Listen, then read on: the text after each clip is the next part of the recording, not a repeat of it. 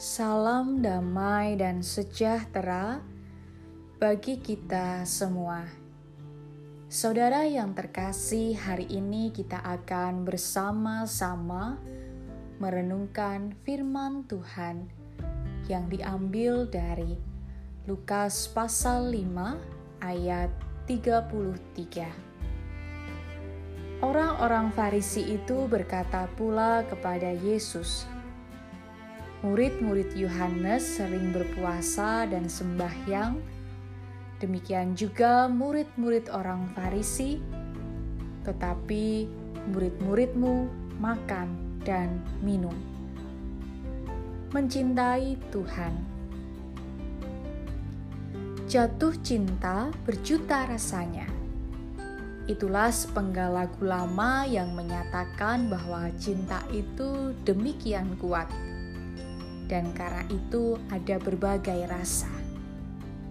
Namun cinta tidak hanya berhenti sekedar rasa dan kata-kata. Cinta juga perlu diwujud nyatakan dalam perbuatan nyata. Maukah saudara setiap hari mendengar pasangan saudara anak atau orang tua mengatakan, "Aku mencintaimu." Akan tetapi, nyatanya mereka tidak mempedulikan dan memperhatikan kita. Tentu saja, kita tidak menginginkan hal itu terjadi dalam kehidupan kita. Kita tidak hanya membutuhkan kata-kata manis, tetapi bukti yang manis. Karena cinta Tuhan yang nyata ia menjadikan kita sebagai umat milik kepunyaannya. Dia yang pertama-tama memberikan cintanya kepada kita. Oleh karena itu, sikap mencintai perlu dinyatakan oleh kita, manusia dalam hidup kita, dengan hidup benar hari lepas hari. Hal ini menjadi nyata ketika orang Farisi menanyakan tradisi berpuasa yaitu bahwa murid-murid Tuhan Yesus tidak berpuasa seperti mereka dan murid Yohanes. Jawab Yesus kepada mereka, "Dapatkah sahabat mempelai laki-laki disuruh berpuasa, sedangkan mempelai itu bersama mereka? Tetapi akan datang waktunya apabila mempelai itu diambil dari mereka." pada waktu itulah mereka akan berpuasa. Ini bukan berarti Tuhan Yesus tidak menghargai tradisi Yahudi atau mengabaikannya. Atau ini juga berarti orang Kristen tidak perlu berpuasa. Tuhan Yesus menyatakan bahwa semua tradisi yang dilakukan bukan sekedar melakukan tradisi dan ritual atau karena kebiasaan. Akan tetapi, puasa yang dilakukan adalah dalam rangka menjadikan diri kita semakin menguatkan cinta kita kepada Tuhan dalam hidup ini, sehingga pelaksanaannya dilakukan dengan penuh sukacita. Maka, milikilah hidup yang mencintai Tuhan dengan segenap hati dan hidup kita.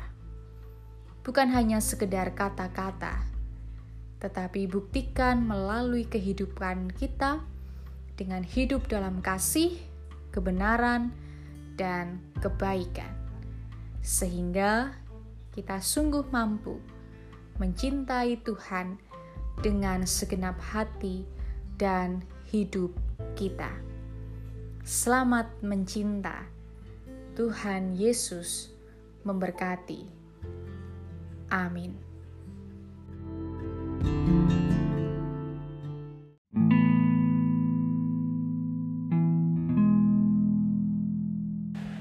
Salam damai dan sejahtera bagi kita semua. Saudara yang terkasih, hari ini kita akan bersama-sama merenungkan firman Tuhan yang diambil dari Roma pasal 12 ayat 1. Karena itu saudara-saudara, Demi kemurahan Allah, aku menasehatkan kamu, supaya kamu mempersembahkan tubuhmu sebagai persembahan yang hidup, yang kudus, dan yang berkenan kepada Allah. Itu adalah ibadahmu yang sejati. Persembahan yang hidup. Persembahkanlah tubuhmu kepada Allah Kira-kira begitu kata Paulus kepada jemaat di kota Roma. Apa maksudnya? Apakah sama seperti ibadah penyembahan berhala zaman purba yang mempersembahkan daging atau tubuh manusia? Tentu tidak. Jangankan persembahan tubuh manusia, korban hewan pun sudah tidak lagi dipergunakan Cukup pengorbanan Yesus di kayu salib sekali saja untuk penebusan dosa manusia. Kita semua pada dasarnya telah berdosa dan kehilangan kemuliaan Allah. Oleh darah dan nyawa Kristus, kita ditebus dan diselamatkan. Logikanya, kita berterima kasih bersyukur kepada Allah yang telah memberikan keselamatan kepada kita. Ucapan syukur apa yang paling pantas? Paulus menjawab dengan tubuhmu. Bagaimana kita melakukannya? Sederhananya saja melalui setiap tugas dan pekerjaan kita Kerjakan setiap tugas yang dipercayakan kepada kita setiap harinya, baik di toko, pabrik, kantor, gudang, jalan, sekolah, pasar, proyek bangunan, sawah, ladang, dan di mana saja.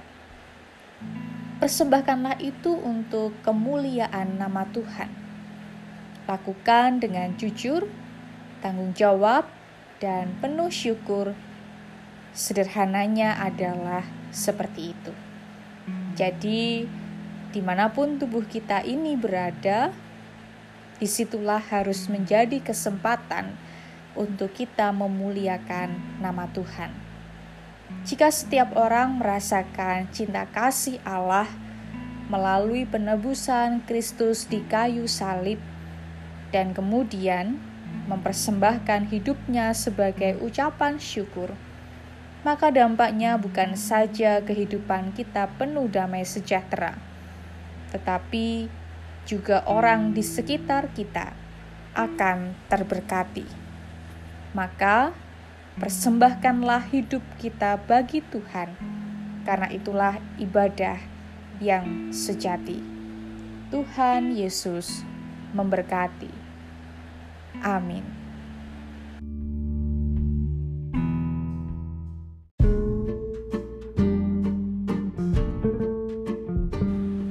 Salam damai dan sejahtera bagi kita semua. Saudara yang terkasih, hari ini kita akan bersama-sama merenungkan firman Tuhan yang diambil dari Yehezkiel pasal 33 ayat 32 Sungguh engkau bagi mereka seperti seorang yang melakukan syair cinta kasih dengan suara yang merdu dan yang pandai main kecapi. Mereka mendengar apa yang kau ucapkan, tetapi mereka sama sekali tidak melakukannya mendengar tapi tidak melakukan. Masuk telinga kiri, keluar telinga kanan. Ungkapan ini sering kita dengar dan ingin menjelaskan keadaan seseorang yang pura-pura atau seolah-olah mendengarkan, namun sesungguhnya tidak. Keadaan ini tidak jauh berbeda dengan yang dilakukan oleh bangsa Israel di pembuangan. Bangsa Israel yang masih tinggal di Yehuda berpikir bahwa mereka masih bisa memiliki negeri itu menjadi milik mereka. Justru Tuhan tidak menghendaki itu. Tuhan memusnahkan mereka karena mereka juga berbuat dosa, menyembah berhala, dan tidak taat kepada Tuhan. Tuhan membuat tanah Yehuda atau Yerusalem akan sunyi sepi karena dosa-dosa Israel, supaya Israel kembali mengakui Dia sebagai Tuhan. Menurut bangsa Israel yang berada di pembuangan, mereka menganggap bahwa Yehezkiel adalah penghibur yang baik. Mereka seolah-olah mendengarkan firman Tuhan yang disampaikannya, namun sebenarnya tidak. Mereka tidak memperhatikan dan melakukan firman Tuhan. Mereka suka dengan firman Tuhan tentang pemulihan di masa depan dan nubuat melawan bangsa-bangsa. Namun mereka tetap berbuat jahat. Ketika saat penghakiman datang, saat pemenuhan dari nubuat Yehezkiel, mereka baru sadar dan mengakui bahwa Yehezkiel adalah nabi Allah yang benar. Saudara yang terkasih, Sering kita mendengar, mengetahui, dan mengerti kehendak Tuhan, namun kita tidak melakukannya. Tuhan menginginkan kita taat pada kehendaknya. Jadilah pelaku firman-Nya, bukan pendengar saja. Tidak hanya berhenti seberapa banyak ayat yang kita hafal dan fasih kita ucapkan, tetapi lakukan. Tuhan ingin kita hidup taat pada kehendaknya. Tuhan Yesus memberkati. Amin.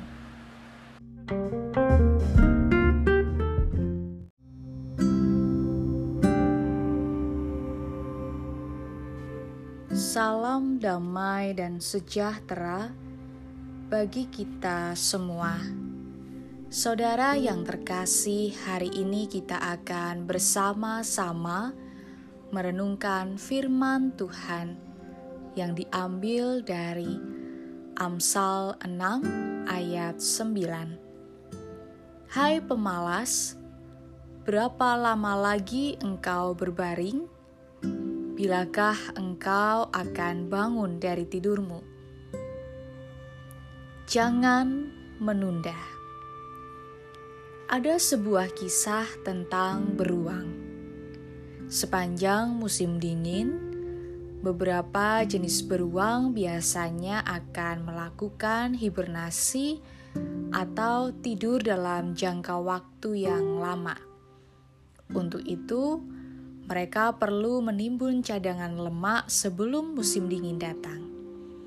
Lalu ada seekor induk beruang menyuruh anaknya untuk mulai mempersiapkan diri sejak awal musim gugur dengan mencari makanan sendiri.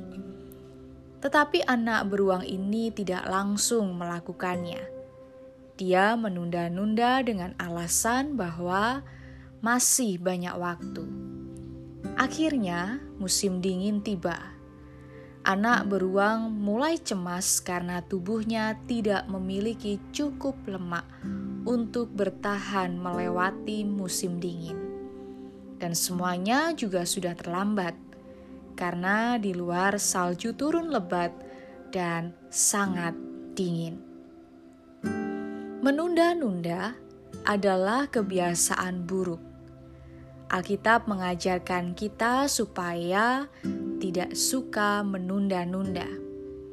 Kalau kita membaca dari ayatnya yang pertama sampai sebelas, membahas tentang perbaikan kesalahan atau memperbaiki kesalahan dan tentang bekerja. Di saat kita melakukan kesalahan, kita diajak untuk segera mencari solusi untuk memperbaiki kesalahan kita. Hendaknya kita juga tidak menunda-nunda dalam melakukan pekerjaan supaya terhindar dari kegagalan.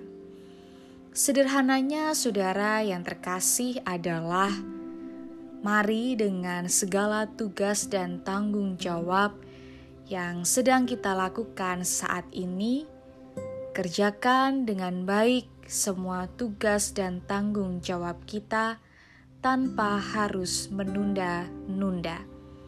Dan kerjakanlah sekarang juga apa yang bisa kita kerjakan saat ini.